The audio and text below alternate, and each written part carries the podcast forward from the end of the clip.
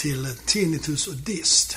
Och det är faktiskt lite av ett jubileum om jag har förstått det rätt. Ja, det, om vi har räknat rätt så är detta det 40 avsnittet. Ja. Så de som finns kvar, ni ska ha all ära och heder Ja, precis. och lyssna. Tack mor. Moster Inga.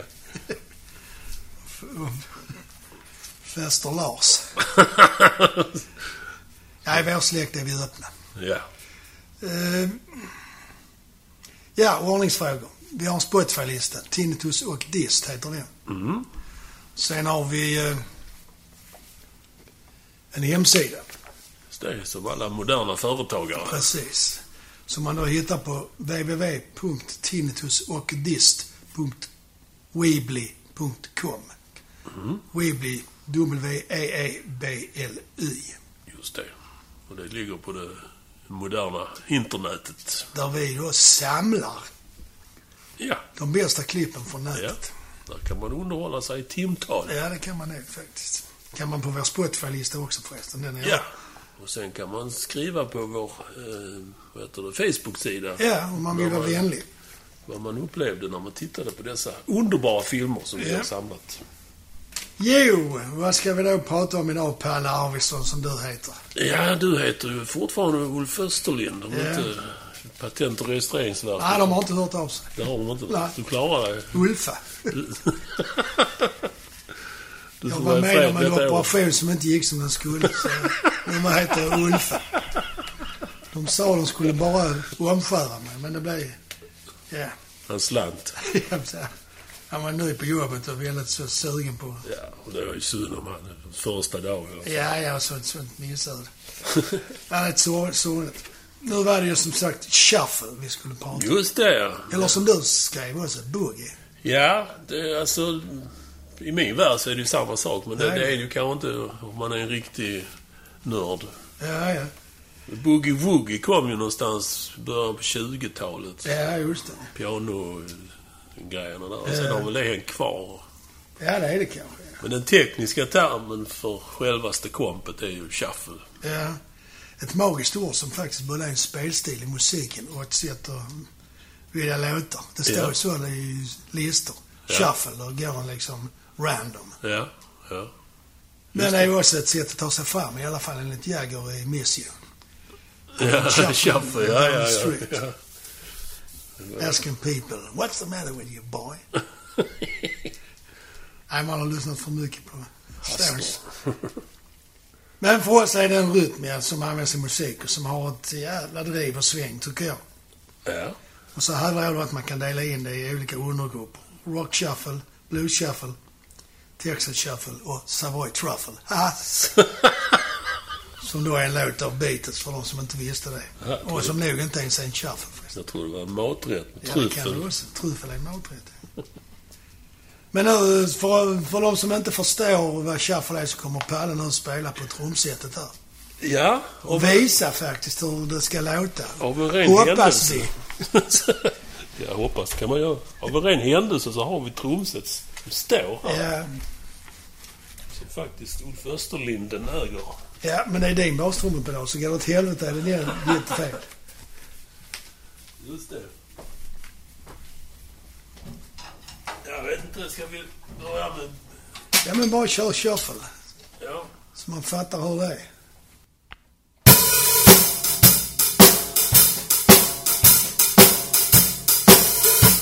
Det lät, lät ju perfekt. Hur låter det om man kör på cymbalen? Ja, det kan man säga.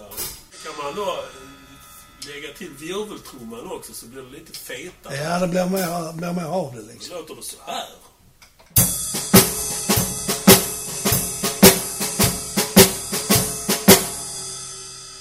Oerhört elegant måste jag säga. Ja, och så kan man kombinera båda dessa. Man kan alltså kombinera det. Ramlar ut av stolen vad det än gör. Nürnbergrättegången tolkas.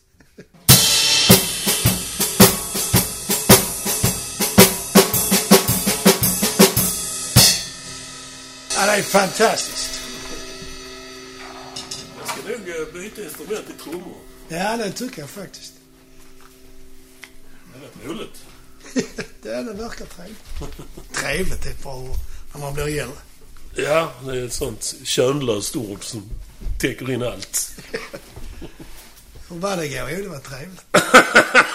Då vet man att man är äldre när man säger så. Ja, Det var inte coolt eller fräckt eller ösigt, utan det var trevligt. Flyn sa man mycket förr i tiden. Ja, så har jag aldrig sagt. Har du aldrig hört det? Nej. Roligt. Flyn. Ja, det var kanske bara på Limhamn vi sa Ja, det måste det. väldigt lokalt i din, gille- i din gillestuga. Överklassen.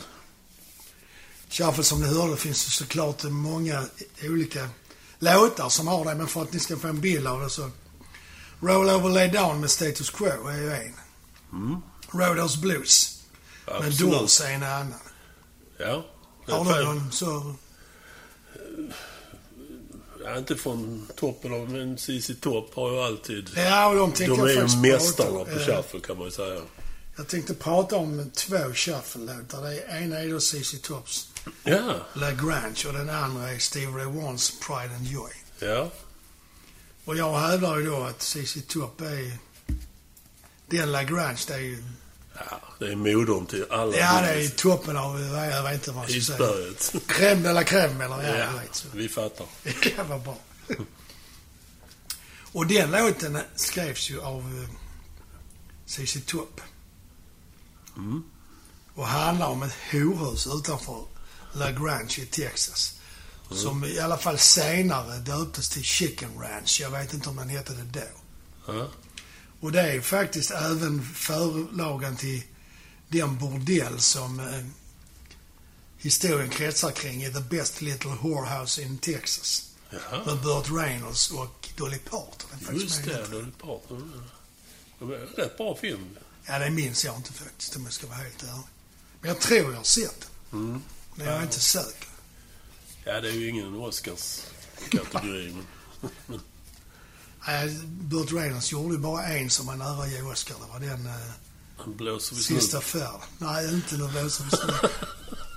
Sista... Ja, ja, ja, ja. Det är Där var han kandidat, men jag tror inte han vann faktiskt. Ja, det är en bra film. Ja,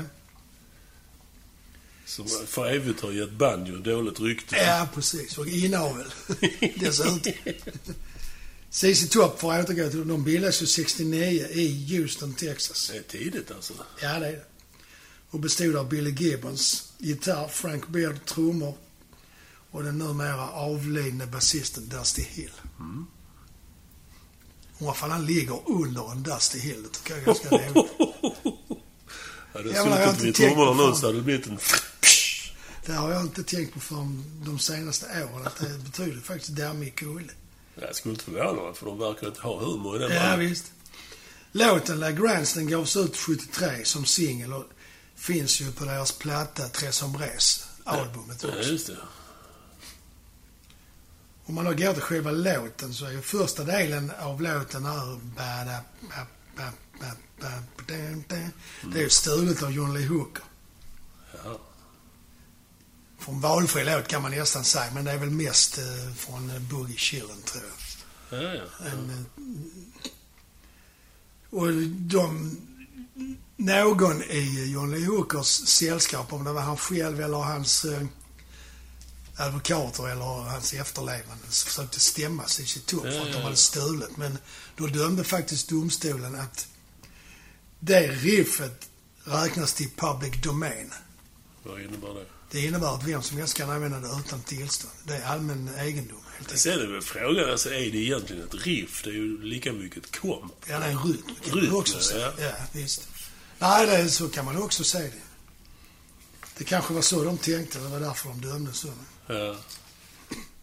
Men det är ju mer John Lee Hooker-kopplingar. Där är ju de också how, how, how, how. Det är också John Lee Hooker från Boom, Boom, Boom. Jaha. Det är lite mer svårstämt. Ja, kanske. Men eh, det, där är ingen uppgift om att han stämde dem för det. Det, så det, håren reser sig när han säger det. Arr, arr, arr. Så jävla manligt liksom. Oh!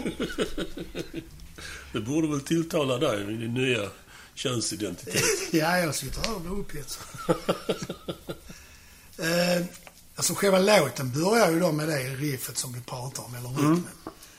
Och så spelar eh, trummisen Frank Beard då Ja, det är också... Coolt, coola kantslag, eller Ja. vad kallas det? Är det trioler eller vad är det? Jag vet inte, det är någon slags rytm. Tack för det. Ni hör att Palle är expert på trummor. jag kan inte termerna, jag kan allt. ja, precis. Kan du visa hur Frank Beard spelar på Lagrange på kanterna Ja, det kan jag göra. Förmodar det är han själv som har hittat på det. Ja, det tror jag. Och Det är då... Ho, ho, ho, ho.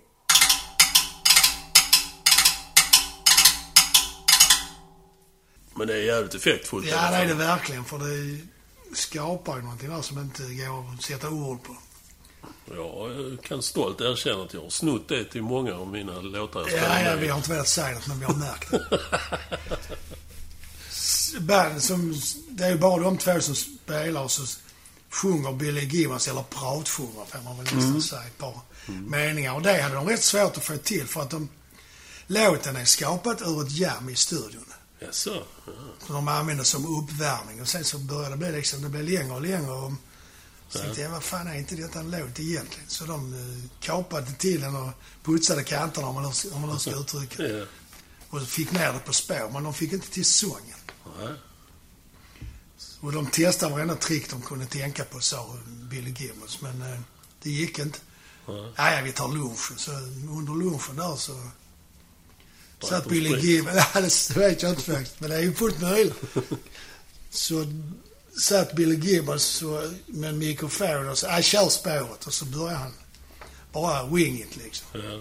Så fick han fram det som senare blev, kom på låt. Ja, Det var ju någonting helt annat när den låten kom. Verkligen. Ja, alltså det är jävligt coolt. Det börjar ju som sagt med de uh, gitarren och kantslagen. Och efter 34 sekunder så pang, kommer bandet in och då är det ju shuffle, eller som du kallar det, bugg av Guds nåde. Det är ju så jävla tajt och det svänger och uh, övergjordes bra Ja, men det är det. Det är det. Och sen när verserna övergår i gitarrsolos samtidigt som låten höjs från A till C. Det är ett jävla bra trick faktiskt. Ja. För det känns som att intensiteten ökar. Nu tar vi nya tag. Ja, precis. Så Sticker låten rakt ut i stratosfären. Ja, det gör Och då flyger de efter dina öron där som du nämnde i tidigare avsnitt. Som gör hållar och de. så. Looping och... Så spelar han då ett långt och jävligt bra solo tycker jag. Ja, det är det. Gör man en väldigt smart vändning och landar återigen i grundtonarten. Ja. Det finns ju ett par beståndsdelar som jag tycker är viktiga i den här låten. Det är Gibbons gitarrintro, hans coola sång och trummisens närmast perfekta shuffle. Ja, det är tight. Men frågan är om inte Dusty Hills basspel är det som limmar ihop det. Ja, alltså de, tre tillsammans är ju bara ren skär magi. Ja, det är det. Det är så enkelt och tajt och så jävla bra. Jag har varit en gång på en rockklubb på Rhodos Ja. som heter. Just Dit kan ni ja. gå om ni är i Rhodos city faktiskt. Ja. De har bara öppet på fredag och lördag, sent. Mm. Och det är en märklig doft i mattorna. Men är, eh, de har sprit och de har ett husband som lirar. Vad mer? Kan man begära. Ja, precis. Och det husbandet skulle då lira den här eh, Lagrange. Och det är ett bra band alltså. Bra basist och bra trummis och bra gitarrist. Men det var bara det att för varje... Basisten sa till eh, hon som stod i baren Keep em, keep em coming liksom. Han skulle ha snapsar och shots hela tiden. Ja. Och när det stod en sju, åtta tomma shotglas på hans starkare så började, han, började det bita liksom. Och då skulle, han, skulle de först spela en Stones-låt som, eh, som de har gjort på sin liveplatta som heter Cracking Up. Och det lät så illa så, så till och med trummisen började skratta. Och sen skulle de spela La Grange och då lyckades basisten, jag vet inte vad termerna är, men han lyckades lägga början och slutet av, av det basisten spelar i låten på fel ställe. Så det lät som han spelade i en helt annan ton. Det var helt absurt faktiskt. Det var nog den sämsta versionen jag har hört av den låten. Det händer ju som jag sa innan ibland att jag lyssnar på när jag jobbar på radiokanaler som påstår sig spela den bästa rockmusiken. Ja. Och då dyker ju Lagrange upp emellanåt och varje gång Ja. skruvar jag upp så högt det som jag tål och ibland är jag tvungen att stanna bilen för att inte köra av vägen. För det är Ja, men det, är- det är inte många låtar som håller så länge som den gör. Nej, den är mer eller mindre fantastisk. Verkligen. Och den får fem Z av fem möjliga. Oj. Eller sex av Fem. fem. Sex Z av fem möjliga. Alltså då Z är CC Top. Så ni, Det, de ryska sätarna. nej. Ja, då eh, glider vi väl över till en liten annan form av boogie eller shuffle. Den här låten som jag tänker berätta om dök upp mitt i det mycket konstiga, för övrigt, 80-talet. Alltså 1985. Eh, ja, jag menar alltså då musikaliskt. Ja, men kläderna var inte så fina. Nej, det var de inte. Allting var fucked up på 80-talet. Allting var så jävla stort. Ja. Och pappa till den här låten är Nicolas Cage. Eh, jag menar hans lookalike. Pete Townshend. Tycker du de är lika? Det Ja, inte tycker jag. jag. Eller ja, Han har du fel Du får finställa din TV. Ja, men jag har inte hittat den knappen på tjock-TV. Låten är ju Face to Face. Face to face. Ja, den är cool. Ja. Jävla cool. eh. Ja, ett jävla tempo är det. Ja, det är också. Och det blev väl ingen megahit. I alla fall inte i England. Nej, men det blev... När jag hade sett den så köpte jag den plattan. Ja. White City tror jag den plattan heter. Ja. White... A novel. White City, a novel. Ja, okej. Eh, Men eh, ja, det var ju som sagt en nätt liten hit ändå. Och den har ju hållit näsan över vattnet tillräckligt länge för att smyga sig in i de flestas medvetande. Och frågar du mig så är nyckeln till låten det överjordiska, eh, har vi det ordet igen, drivet från min absoluta favorittrummis Simon Phillips. Oh. Vi knäböjer nu. Eller Palle i alla fall. Förlåt Bonham och Pace, men han är, ja, han är gud. Tekniksensei, kan man säga. Han har varit maestro i trumvärlden i 40 år, tycker jag. Han har spelat med de flesta också. Han Ja, det har han. Men här, i denna låten, Face to Face, så är det inte någon trumteknik överhuvudtaget. Det är bara ett och tre. Ja, men han har ju rätt så. Även om det är ett och tre så är det inte så lätt att hålla igång. Nej, det, det, det är ett driv som... Eh, ja. Ja, jag tycker det gör 80% av låten. Och, eh, han spelar för bland annat med andra trummisar. Han har spelat på alla eh, soloskivorna som Pete Townshend har gjort. Ja, Jag jag har en med honom faktiskt. Där är det både Simon Kirke och eh, Ja, Kenny Jones är nog också med. ja.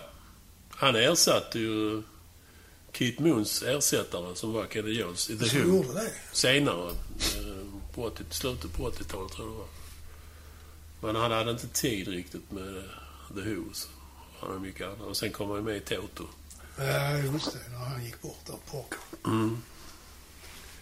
Och sen eh, det som också lyfter låten är ju coola, mycket genomtänkta basgångar. Och ett blåsarrangemang som Phil Collins hade kunnat offra sin högra hand för att kunna skriva. Äh, vänstra hand menar jag. Ja, just det. Det är vänster. Ja. Och... ehm, Ja, de är fräcka, det är de faktiskt. Ja, mycket. Han, han var sugen på att skriva en snabb boogie, Pitanchen. Och han hade det liksom eh, i huvudet. Men han, han insåg att eh, jag, jag kan bara spela en bråkdel av det som jag vill ska vara med på den här låten. Och säger han det så fattar man ju att det är avancerat. Så han tog hjälp av en keyboardist som heter John Bandrick. Han kallas för Rabbit. Och han är tydligen, har varit med på Whos spelningar. Och jag misstänker han ligger bakom mycket av deras... De hade mycket syntar ett tag. i- Ja, de har ju där i Barbara O'Reilly och de, Ja. ja, Så jag tror det är hans. bubblande ljudet liksom. Ja. Eh, Så Pete Townshend och han, de satte sig ner och Pete Townshend spelade upp brottstycken av låten med instruktioner. Till exempel, ja, ge mig 40 av det här. Och så visar han till, ge mig 10 av det här. Och så satt han med Takter menar du då? Ja, det vet jag inte. toner, ja det är nog både och. Toner och takter. och- Ja, okej. så de gjorde hela låten så. Grundformen. Klippa och klistra på 80-talets två huvudinstrument, synt och trummaskin. Men eh, längs resan så tog man dessbättre sitt förnuft till fånga. Bytte ut trummaskinen och bytte ut de här DX7-trumpeterna Ja, usch. mot riktiga musiker. Allt syntet, nästan allt syntetiskt åkte ut och så ersatte de det med riktiga musiker. Ja, okej. Som det ska vara. Precis. Så har ni inte hört den här låten eller kanske inte har hört den på väldigt länge så rekommenderar jag Det finns den. en video också där de har spelat Ja, in i en eh, simhall, tror jag faktiskt. Ja. Ja, det finns ett par live-videor såg jag. Det är också, ja, okej. Hans dotter är med i någon video. Pete Hunchens dotter. Hon är med på inspelningen också. Ja, sjunger några rader. Så det... Ja, den är skitfräck. Den hade jag faktiskt glömt bort lite när du tog upp den. Ja, vad bra. Tror jag. Ja, Ja, det var det om detta. tänker jag att jag ska prata om en annan. Ja, det får du lov. En amerikansk shuffle. Ja, Det är också faktiskt. ja. Och det är Pride and Joy med Stevie Ray Vaughan. Mannen som spelar bluesrock som, så som alla gitarrintresserade män önskar att de kunde. Ja, men han är ju... Ja, herregud. Han har själv sagt en gång, ja, när jag spelar gitarr så är det inte så mycket finess. Utan jag spelar mer som om jag håller på att bryta mig ut ur ett fängelse. ja, det är Jävla roligt citat faktiskt. Ja, Jag har läst någonstans han hade ovanligt tjocka strängar. Han spelar med 013. De flesta kör 010 eller 09. Kanske 011. Han måste ha På den lägst, på den tunnaste strängen. Det är ganska tjockt. Ja. Kan det, vad gör det på soundet? Jag kan inte svara på vad det gör på det sättet. Men om man hör honom så låter det ju mycket kropp om gitarren. Ja. Det är inte Man, så tunt liksom. man vill ju att det ska vara en del av Ja, hans det brutala sound. Det var någon producent som sa att när han såg det med 013 att jag fattar inte hur man kan börja strängen. Nej. Pianotrådar. Ja, lite så. Men det är ju inte många som har kunnat spela så som han kan. Det finns ju de andra man pratar om, både Massa och dem, men eh, ja. Det kan man ju hålla på med, men det är ju inte som Stevie Ray. Nej, så om man, om man tänker på honom som bluesgitarrist, Ja, han ju är, så- hör man ju direkt när det är han som Ja, spelar. det gör man faktiskt. Och det är ju inte så jävla lätt att hitta sin egen. Nej, det närmaste influens, kan, eller det närmaste, det är Henriks. Han är, Ja, känns ju rätt inspirerad av Henriks, men han har tagit det lite vidare på något sätt. ja det har han. Han är född i Dallas också faktiskt, 1954. Tillika det. Och trots att han då endast hade en karriär på dryga sju år, alltså i det stora musikmedvetandet, Ja, så ja. räknas han ändå till de allra bästa och mest inflytelserika gitarristerna. Med all rätt. Ja. Tyvärr dog han ju i en helikopterkrasch 1990 efter en spelning. Ja. Med sitt band som han kallade för Double Trouble. Det är förut en blueslåt det också med Otis Rush, tror jag. Det ska jag inte svära på. Mm. Men den är gjord i en jävligt bra version förresten av Tuttas Bluesband. Så hittar ni en platta med dem där. Den är med så lyssna. Kör. Bengan Blomgren spelar ett fantastiskt gitarrsolo. Ja. Han är bra han också. Men han är inte i denna. Nej. De spelar in fem plattor. Eh, Double Trouble. ja, med Steve Ray. Var det inte lite omsättning på folk i bandet? Nej, inte efter ett tag. I början var det de var ett tag när de bara spelade runt Dallas och Texas. Ja. Så var de fem man. Jaha, Men eh, sen skadades det ner till de tre bara. okej. Men eh, Steve Ray gjorde en sjätte platta det gjorde han med sin bror Jimmy Vaughan som spelade från början i Fabulous Thunderbirds. Ja. Som har en helt annan stil. Nej, han är inte med där än. Är han inte? Nej, han har inte varit med där på jättelänge. Va? Ja. Men han har en helt annan stil. Mycket spar, mer sparsmakad jordnära. och enklare. Ja. Liksom. Men den plattan, är, det, är- där finns ett par fina låtar på den faktiskt. Mm. Sen gjorde han en, eh, den sista av dem med Double Trouble, den är utgiven 91 och en samling av tidigare inspelade men ej utgivna låtar som man Alltså satte ihop. ratade låtar. Ja, så kan man säga. Så är det såklart. Men Pride and Joy som jag då uppskattar väldigt mycket som både shuffle och som låt och för hans gitarrspel. Den finns på första plattan som heter Texas Flo- Flood. Mm. Den kom 83. Ja. Som den fick mestadels bra kritik. Och, och med ett par riktiga höjdare var det någon som gav den fem av fem möjliga och sådär. Oj, oj, oj. Blues var ju inte ens inne. Nej, precis. Det var ju det. så faktiskt. Ja. Men eh, Rolling Stone, de var inte, alltså tidningen Rolling Stone, de var inte särskilt in på det. Ja. Utan menade att eh, Stevie Ray saknade originalitet och en distinkt stil. Ja. Då kommer jag att tänka på det där, ja, gitarrgrupp var inte så inne. är lite samma typ av Ja. misstag så här i Ja. efterhand, är det inte det? Nej, han kommer aldrig att bli något. Famous last words. Ja, visst. Men den plattan, eh, och då även eh, Pride and Joy-låten, spelas in faktiskt i Jackson Browns eh, privata studio. Ja. Han hade sett dem på något gig någonstans. Kan ha varit i Montreux, för de spelade i Montreux innan de fick skivkontrakt. Jaha. Så de var ju lite inne där. Och Stevie Ray spelar ju faktiskt på David Bowies Let's Dance-platta. Ja, det gjorde han. Jag vet inte när den kom, om det kom före eller efter han slog igenom. Men han fick ju hjälp av den i alla fall. ja, ja såklart. Han blev ju erbjuden att åka med på turné, men tackade nej för han skulle satsa på sin egen karriär. Iskallt. Ja, det var det faktiskt. Tänk om det hade skitit sig. Ja.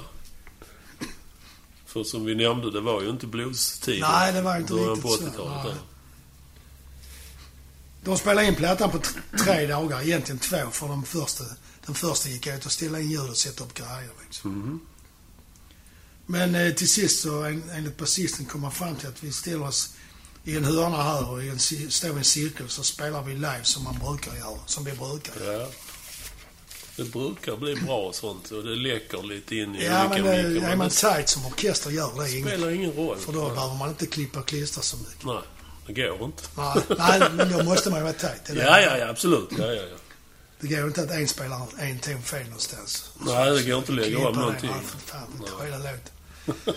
Men ibland har jag, man har ju läst sådana Chuck Berry, tagning 34 till exempel, av någon. Ja.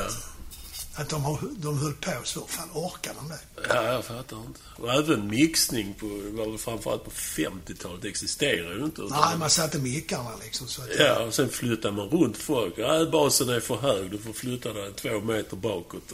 Den trumpeten går igenom. Ställa dig på tå. Och så spela gärna ner i skålen. Så inte Och rör förstört. inte spolningen. Pride and Joy, eh, låten är ju skriven av eh, Steve Ray Vaughan och börjar med ett rätt så coolt intro tycker jag faktiskt. Ja. Som sen, eh, när bandet kommer in så blir det en fet shuffle som jag kallar. Ja, verkligen. Och eh, hans gitarrspel är ju, det går inte att få hack alltså. Absolut inte. Han har någon konstig stil. Han driver låten framför sig med sitt... Han spelar riffet med så... Jag Han vet slår precis lite vad du menar. Stenhårt liksom. Ja, så det, det ljudet blir liksom i sig en rytm. Ja. Och det har jag hört sägas, eller om jag har läst det, jag minns inte, att han, han utvecklade det när han spelade med folk tidigare som inte kunde hålla tempot. Jaha. Så började han slå så på guran för att de skulle... För att det skulle bli ett stadigt beat liksom. Ja. Snacka om att mästra folk. Ja, visst. På ett fint sätt. Ja, ändå. Men det, i och med att han använder det i Pride and Joy så blir det lite studs, studsande och hoppande Ja. känsla i låten där. Mycket säreget sväng. Ja, Ja, visst är det men är, det är ändå en kaffe. Ja för det är det. Sen är ju bandet avstängt där också. Det har de ju blivit efter att ha spelat ihop rätt länge där. Ja. Även om det är deras första platta så har de ju spelat länge. Ja. Och som jag sa, de var ju i Mon- Montreux året innan tror jag. Ja, Eller kanske samma år. Innan plattan var släppt. har man gjort många gig tillsammans så blir det ju tajt. Ja, Såvida precis. inte man är dum i huvudet. Ja. Men det enda som man kan ta upp till hans nackdel är ju hans kläder. Ja, Har men- väldigt märkliga kläder. Ja, men han hade käpor vanor. och sånt. Han hade verkliga vanor när det gällde, vad heter det, drycker och in, intagande av andra saker. Ja, ja. Han var ju svårt alkoholiserad och... eh, Men jag, jag, Men kanske inte då. jag minns att han kom väl ur det precis innan han dog. Ja, han var ren då, sägs det i alla fall. ja. Och han själv sagt också. Det är ju trum- trummisen Chris Layton och basisten Tommy Shannon som, som är med i Double Trouble. De, de bär ju mycket skuld, ska man säga. Men de hjälper ju till för att få det Ja, ja. coola svänget. De är inte oskyldiga. Nej, och sen efter ett tag så fick de med en keyboardist faktiskt också. Mm. Som lirar Hammond som man, Ja, som man ska göra. som man ska göra. i, i sådana band. Och han är för, öv- för övrigt numera åker han runt med. Ja, nej. I alla fall emellanåt, för jag har sett honom på en del klipp. Jaha. Men det är inte för att jag ska säga Bonamassa, utan jag gillar hans trummis. Men Bonamassa är... Jag gillar honom. Många gitarrister säger Han är en bra gitarrist, men jag, jag tycker låtarna, fast det har blivit lite bättre. Jag tycker inte låtarna, det är mer en ursäkt för att spela gitarrsolo liksom. Ja, du menar så. Ja, jo, det kan jag väl. Men så, så kan man ju säga om många, så att det är, det är orättvist. Ja. Den här låten, Pride and Joy, den är ju ändå från 83, men det är ju ändå en av hans mest väl, välkända låtar. Skulle nog skriva under Ja. på det, ja. Men det är ju väl, väldigt välförtjänt också. Absolut. den är ju väldigt, väldigt bra låt och väldigt bra spel och en väldigt bra shuffle. Han sjunger ju väldigt bra. Han får lite coolt, så Ja, släpigt ja, liksom. ja. Kanske lite nasalt också, jag vet inte. Ja, det är speciellt och det funkar. Ja, passar till hans stil. Absolut. Ja, det var mina shuffles, shuffles, shufflar. Inte. Skyfflar, skyfflar. Har du någon till? Ja, jag har en liten rackare som också tågade in via den eviga livlinan på 70-talet. Rockpalast. Oj. Du måste ha suttit där alltid, låter Jag såg allt. Som vi nämnde i något avsnitt. eh, Så Brian Ferry och allt möjligt sånt. Genom paradordimman. Ja, Vad heter hon? Smith? Patti Smith. Patti Smith. Fruktansvärt, men ändå såg man och såg på Ja, han det. var ju svältfödd så var det. Ja. Sen var det det också när man blev toppad orkar man inte resa sig. Nej, det... På den tiden hade man inte fjärrkontroll. Nej, då var man tvungen att gå fram och stänga det. Ja. Nej, jag ska eh, nämna en kanadick vid namn Pat Travers. Jag känner igen namnet men jag kan inte påminna mig var. Han var nog inte särskilt stor på våra breddgrader, men han... Det var inte han som hade den Boom Boom Out Goes the Light. Jo. Den plattan hade jag. Ja. En liveplatta. En av de få jag har sålt. Jag har sålt två plattor i mitt liv. Va? Den ena var den och den andra var Van Halens första. Men den andra, Van Halens första fick jag köpa tillbaka en annan sen. För jag kom på att den var rätt bra. Sen efter det har jag inte sålt fler skivor. Nej, det ska man inte göra. Det går i vågor, intresset för Ja, så är det faktiskt. olika sorters musik. Men... eh, Ja, han eh, växte upp i Kanada, Pat Travers. Och upptäcktes där av Ronnie Hawkins. Och eh, Ronnie importerade honom snabbt i England då. Så det var därifrån han hade sin bas, kan man säga. Ronnie Hawkins var ju den som eh, plockade upp The Band. Ja, Robbie Robertson och Levon Helmer då. just det. Ja. Han hade Han har dött nu nyligen faktiskt. Ja, så det visste Såg jag. jag i någon... Jo, eh, Robbie Robertson hade lagt ut ett väldigt känslosamt eh, Ja, inlägg på sin, eh, sina sociala medier. oh, fan. Där han tackar honom för allt han hade gjort för både honom och för The Band. Liksom. Mm. Och han Ja. är ju med i den filmen också, The Last Horse. Ja, det är han. Mycket bra film. Ja. Men Pat Travers, han borde ju också kunna se tillbaka på en lång och framgångsrik karriär, men ödet ville inte riktigt det. Och då i slutet på 70-talet så var han och hans band helt klart lysande stjärnor. Men eh, ja, det var lite oroligt i bandet. Alltså, han bytte ut lite väl många medlemmar. Vilket fick publikens intresse att svalna. Och dessutom, som vi nämnde innan, eh, 80-talet var ju inte bluestider. Det var ju framförallt MTV som övertog taktpinnen och bestämde vad som var intressant. Och det var ju definitivt inte bluesrock. rock. Eh, Så det var ju en kräftgång där och så småningom blev han av med sitt skivkontrakt och var tillbaka där han börjat en gång i tiden. Alltså lira på, lira, spela för livet på småklubbar. Och jag tror det är fortfarande vad han sysslar med idag. Men eh, boogie, det kan han lira. Jag tycker han har en eh, skön sluggerattityd i sitt gi- gitarrspel.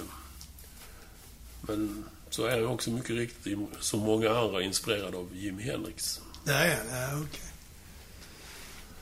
Och eh, den här, jag har, jag har sagt vad låten heter. Den har jag nog inte. Nej. lång inledning till en lång dags färd mot natt. Eh, Det är en boogie då som heter Statesboro Blues. Just det, det är en gammal låt jävel. Det, ja, den är från 19... Det är Blind Willie McTell. 1928 skrev han den. Eh, Den ligger på Pat Travers platta Making Magic. Den är väl inspelad av någon andra också. Eh, Allman Brothers har gjort... Det är många som har gjort det. Ja, men Allman Brothers känner jag igen när du säger det. Men jag tror... Alltså jag lyssnade på den Blind Willie McTell. Och det låter ju inte... Man känner inte igen någonting. Men Alltså. så är det ju ofta. Så Lyssna på Crossroads med Robert Johnson och sen Ja, med ja, ja, Cream så är det ju liksom... Och jag kan till viss del försvara Led Zeppelin som också snodde såna här gamla och gjorde om dem totalt. Så egentligen borde de ju... De behöll texterna och sen allt annat var ju Hade de inte gjort det så hade de nog klarat sig. Ja, För det de kunde finns, ändrat något ord här och där bara. I så gott som samtliga fall finns det absolut ingen likhet med melodier. Nej, oftast inte. Nej. Eh, Och, och originalet har ju då alltså ingen... Jag tror Pat Travers har eh, baserat sin version på Allman Brothers version. Ja, ja okej. Men han har ju skruvat till den eh, ännu mer med coola riff och break och sånt där. Och liksom mer intressant version, tycker jag, än Allman Brothers. Så att eh, det, det är ju där han har fått sin inspiration, helt klart. Men... Eh, ja, just det. Den här Blind Willie McTell-versionen. Det enda som fastnade i mitt huvud, det var den där bluesklyschan I woke up this morning. För den är med där. Det kanske första gången det yttrades. Ja, jag vet inte. Det finns ju faktiskt en Nazareth-låt som börjar med det också. Ja, det gör det. Så han, eh, ja, det gick åt pipsvängen för honom på tidigt 80-tal. Tyvärr. Men sen har så, så man kan ju tänka är det jävla taskigt av skivbolagen. Men sen så, samtidigt så är det ju en industri som ska, den Ja, måste ja. ju bära sig. Det får man ju inte glömma. De, de, de bryr sig inte om kvalitet många gånger. Utan det Nej, det ska låta kronor och ören. sälja. Låta mycket och sälja så mycket, höll på att säga. Men så är det. Man ska Ja. sälja. Annars kan, det ju inte, kan de inte hålla på och spela in. Det är ju, Nej, men dessutom, nu, alltså det måste, har man ju läst mycket. De tog ju också chanser på okända band. ja, ja, det gör de ju såklart. Men, Van Halen som jag nämnde innan är ju så faktiskt. Ja, ja.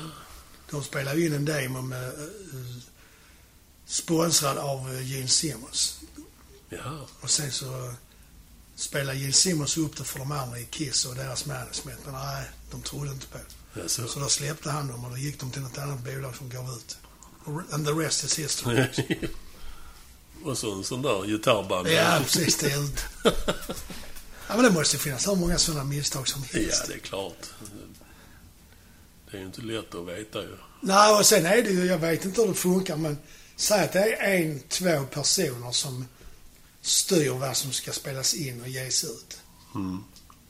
Och de kan ju ha en smak som inte är just det, det är åt det hållet. Eller så Ja. har de bråkat med frun på morgonen eller ja, vad som helst. Ja, ja. Bakfulla. Ja.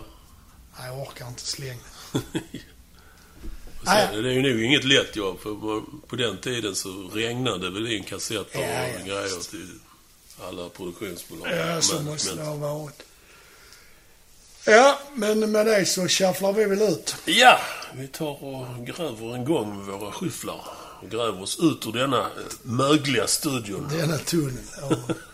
Motgångar och blodsvemod. ja, precis. Men vi avslutar i alla fall med hej då. Ja, det gör vi. Hej då. Hej då.